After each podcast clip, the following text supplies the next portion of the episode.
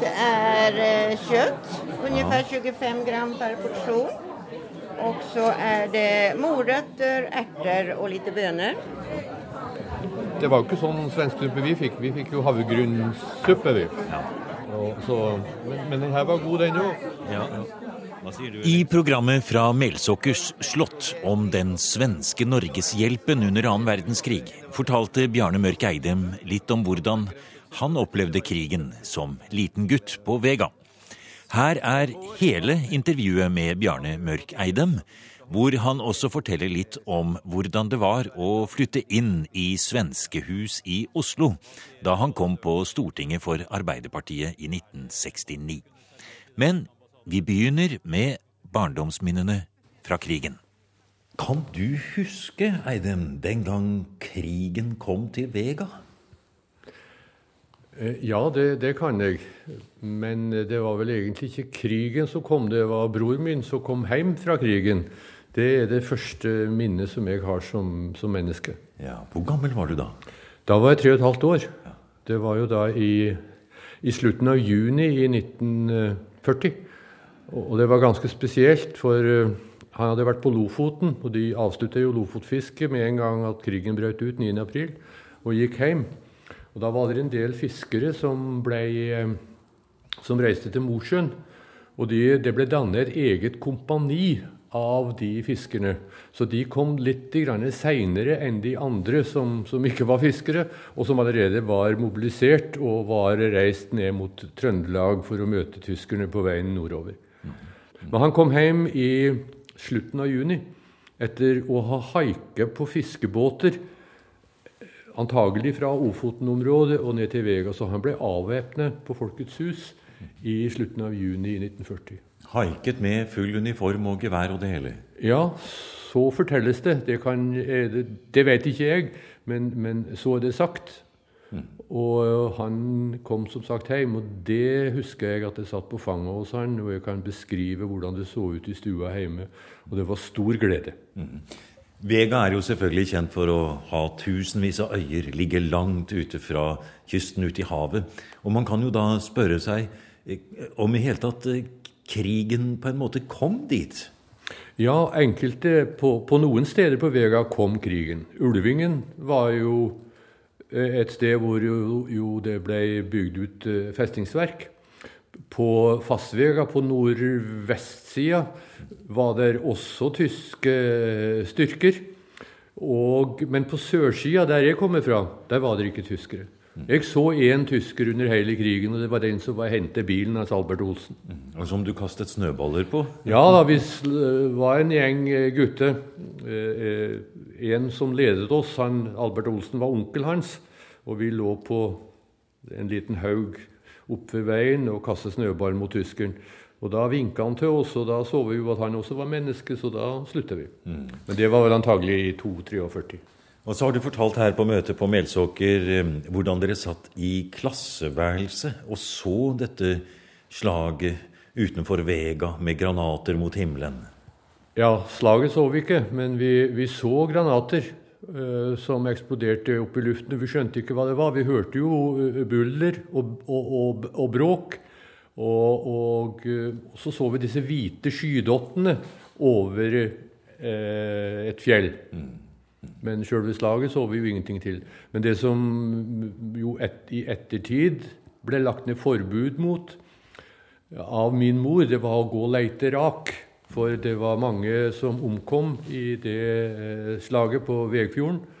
Og det, det, er rak lik i land, så derfor så ble rakleiting strengt forbudt. Men det å gå på rak, det å lete etter ting som da driver inn fra havet og legger seg på de mange, sikkert tusen strendene i Vega-samfunnet, det var noe du var veldig opptatt av som liten gutt? Ja, ikke bare som liten gutt, det er det fortsatt en dag i dag. Når vi kommer hjem, så må jeg ha med en tur langs stranda for å se om det kunne være noe. Ja. På disse øyene, særlig de som kanskje var, lå utenfor selve fastvega, så var jo rakleiting og det man fant på vrak, særlig da tømmer og eh, annet eh, trevirke, var jo veldig nyttig. Og det er mange hus i Kyst-Norge som er bygd opp av eh, raktømmer. Hjemme på gården der jeg kommer fra, det er et, eh, et hus som er bygd opp av rakplank med basis i eh, skute som eh, antagelig har mistet dekkslasten eh, vest for Vega. Og så var det da storm, og så fant de, var de og leite plank. Det skulle antagelig oppgis til myndighetene, men ute med kysten så er det ofte langt til myndighetene. Ja, nå, akkurat nå så kommer jeg plutselig til å tenke på riksrevisor Eidem. ja. Oppgitt til myndighetene Altså. Ja, det er klart Ja, det skulle jo vært oppgitt, men, men huset står der jo. og Det ble vel bygd rundt Ja. eh, århund- det forrige århundreskiftet, så, så skulle noen ha interesse av det, så, så står det der fortsatt. Og det er jo også annet eh, nær sagt bevismateriale du har eh, spist opp, eh, Bjarne Mørk Eidem, for å si det på den måten, slik som du selv fortalte om det her på Melsåker. For denne utstillingen her denne gangen handler jo om de litt mykere tingene ved krigen. Svenskepakkene, maten, eh, godsaker som kunne komme på den måten, og hvordan man i ditt tilfelle som en liten gutt kanskje kunne møte krigen på den måten. Og da er det en historie du fortalte som har med ting som driver i land, og fattigmann. Ja, uh, fattigmann eh, er jo da en, en, eh, en bakelse, hva kaller de kaffebrød, sa vi hjemme. Uh, fattigmann skulle jo alle sammen ha til jul. Det var jo liksom eh, det, Jul uten fattigmann, det, det var egentlig ikke jul. Og fattigmann var jo da en eh, bakelse som måtte steikes i, i fett, i, i smult. Og smult under krigen, det, det fikk du ikke kjøpt. Og smult kunne du vel ikke lage, tror jeg, fra gården. Men da fant bror min på rak ei hel tønne med smult. Slik at uh, hjemme hos, uh, hos oss og i nabolaget, og det ble gitt smult til mange på Vega, så der var fattigmannen både jula i 43 og jula i 44, med basis i den smulten som bror min fant på rak.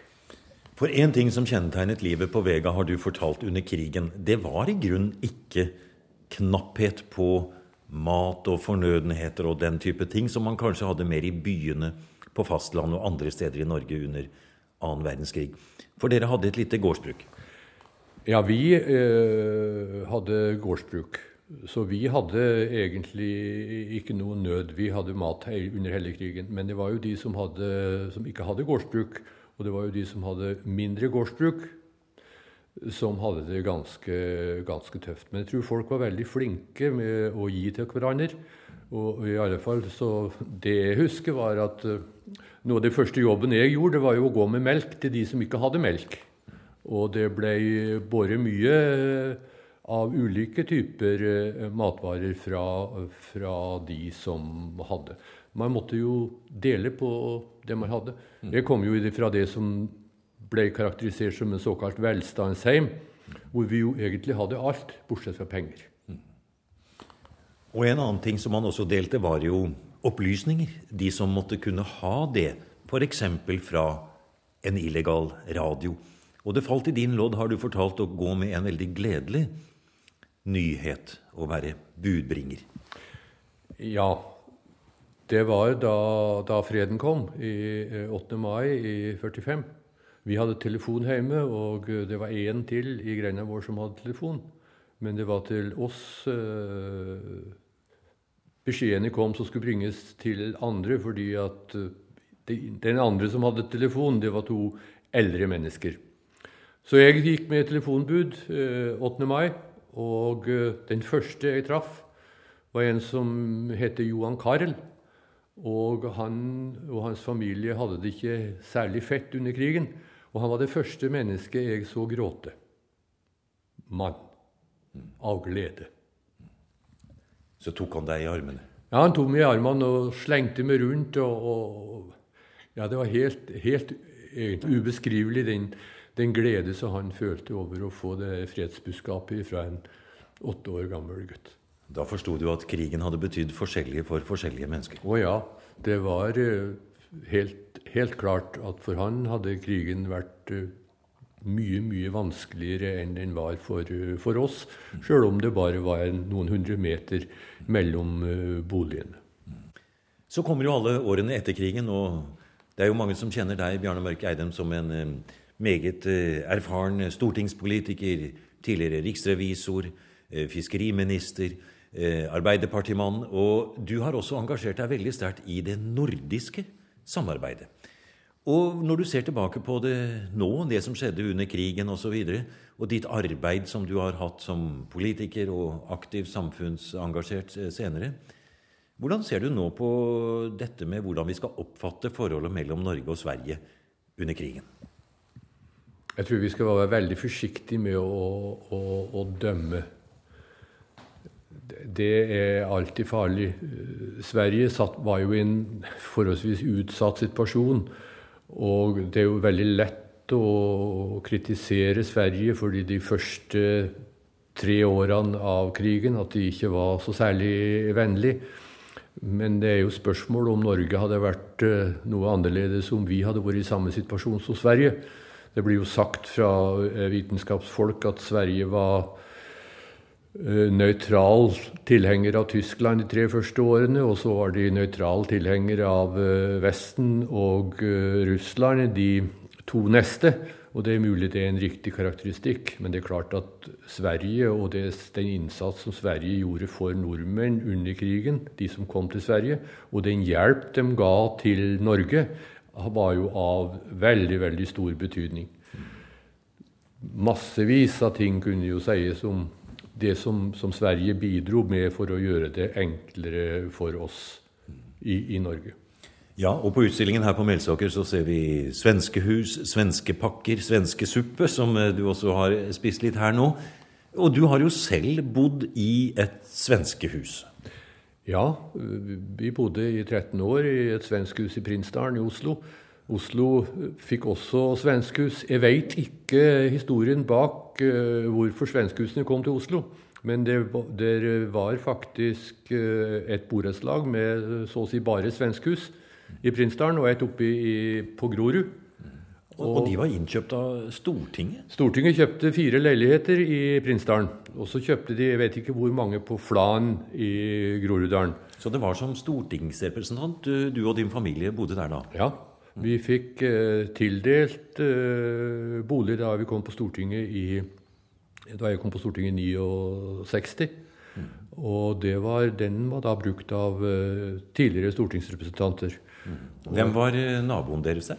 Naboen var Finn Christensen, min gode venn og, og partifelle og medarbeider. Og var et, eh, og er et aldeles praktfullt uh, menneske. Mm. Og Bondevik-familien bodde der også? Ja, de kom, de kom etterpå. Det var vel min skyld at de kom dit, for de hadde tre barn, og vi hadde tre barn, og de skulle jo, våre barn skulle ha noen å leke med. Og Bondeviks ønsket det samme, men eh, da kjøpte vi sjøl hus, slik at vi ble ikke naboer. Men gode venner har vi jo vært. Vi var jo fire år i lag i finanskomiteen, så vi kjente jo Kjell Magne ganske godt. Og Du har vært mange år også i det nordiske samarbeidet, Nordisk råd bl.a. Og du, du, driver litt med det ennå. Du kjenner til Norgehjelpen veldig godt, de forskjellige fondene som var mellom Norge og Sverige. Er det, er det, sånn at det er mer igjen å fortelle i denne historien nå, Eidem? Er det sånn at det kanskje ikke er nødvendig å oppholde seg ved det, eller, eller skal vi gjøre det? Hvordan ser du på det? Eh, gamle ordføreren hjemme, han var yngre enn jeg er nå, han sa eh, du må kjenne fortida for å forstå nåtida for å kunne planlegge framtid. Og vi kjenner altfor lite til eh, fortida.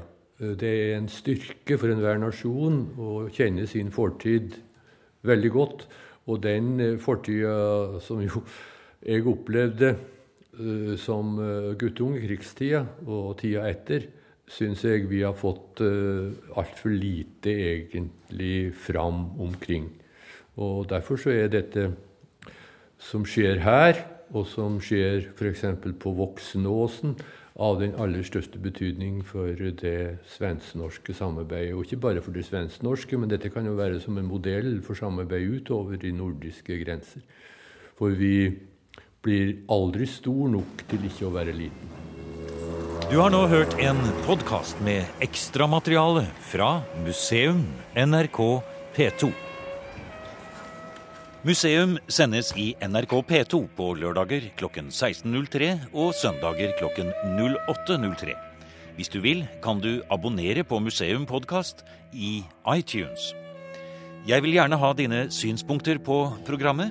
Send kommentarer eller tips til museum.krøllalfa.nrk.no.